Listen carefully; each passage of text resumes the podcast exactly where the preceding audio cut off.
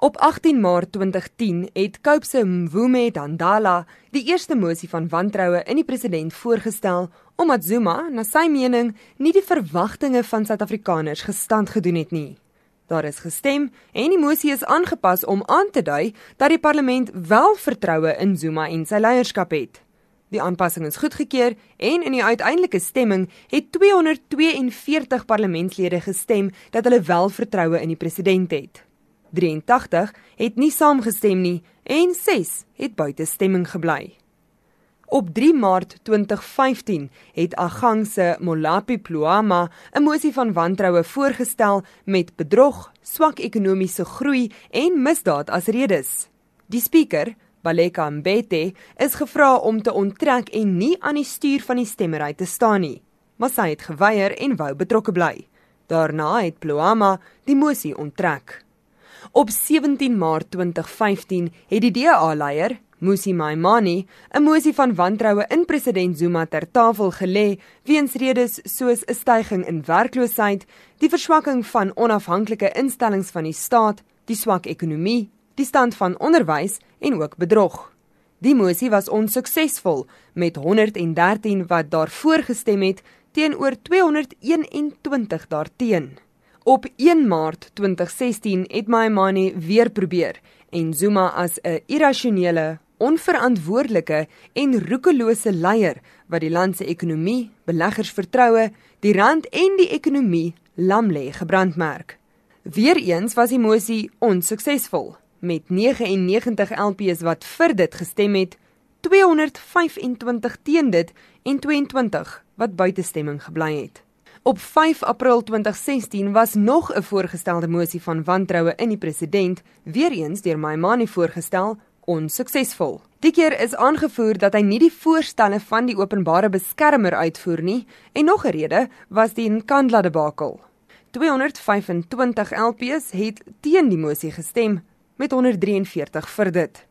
Op 10 November 2016 het Maimane weer 'n mosie van wantroue in president Zuma ter tafel gelê. Die keer is die woord staatskaping bygevoeg tot 'n lys van besware. Met 126 LPs wat vir die mosie gestem het, 214 daarteen en een buitestemming, was die mosie weer eens onsuksesvol. Met dit alles in ag genome, sê 'n politieke ontleder verbonde aan Unisa, professor Dirk Kotse, is 'n geheime stemming die enigste verandering wat dalk 'n suksesvolle mosie tot gevolg kan hê. Ek dink dit is hoekom die oppositiepartye soveel aandag daaraan gee, omdat hulle voel of hulle argumente is dat daar soveel druk op die ANC parlementslede in die verlede was om as 'n blok te stem dat dit dit die enigste manier is hoe hulle die die persone wat wel anders voel kan betrek, kan trek na hulle kant toe. Ehm um, en dit is hoekom daar die moontlikheid daar nou 'n nuwe dinamika eintlik kan ontstaan um, as daar dus 'n geheime stemming plaasvind. Kotse voorspel dat die stemming in die openbaar sal wees. Dat Mbete met ander woorde nie 'n geheime stemming gaan toelaat nie.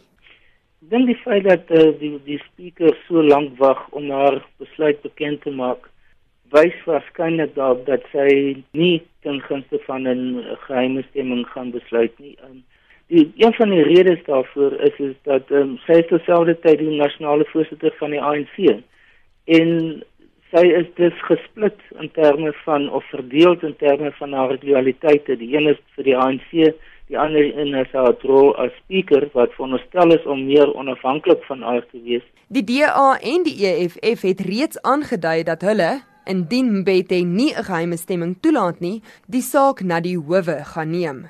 Maar Kotse sê dit kan 'n opdraande stryd wees. Dit gaan moeilik wees om te weet presies op grond waarvan hulle dit gaan doen. Ons weet dat die die grondwetlike hof se uitspraak uitspraak aan die algemeen nou is hoofsaaklik gebaseer op die beginsel van um, rationaliteit en dat die besluit rasioneel moet wees of dit nou die aanstelling is van van senior persone soos die vorige valke hoof um, of nou hierdie situasie So dit is omtrent seker die enigste basis waarop hulle dit kan doen. Professor Dirk Kotse is 'n politieke ontleder verbonde aan Unisa. Ek is Henry Wondergem vir SAK nuus.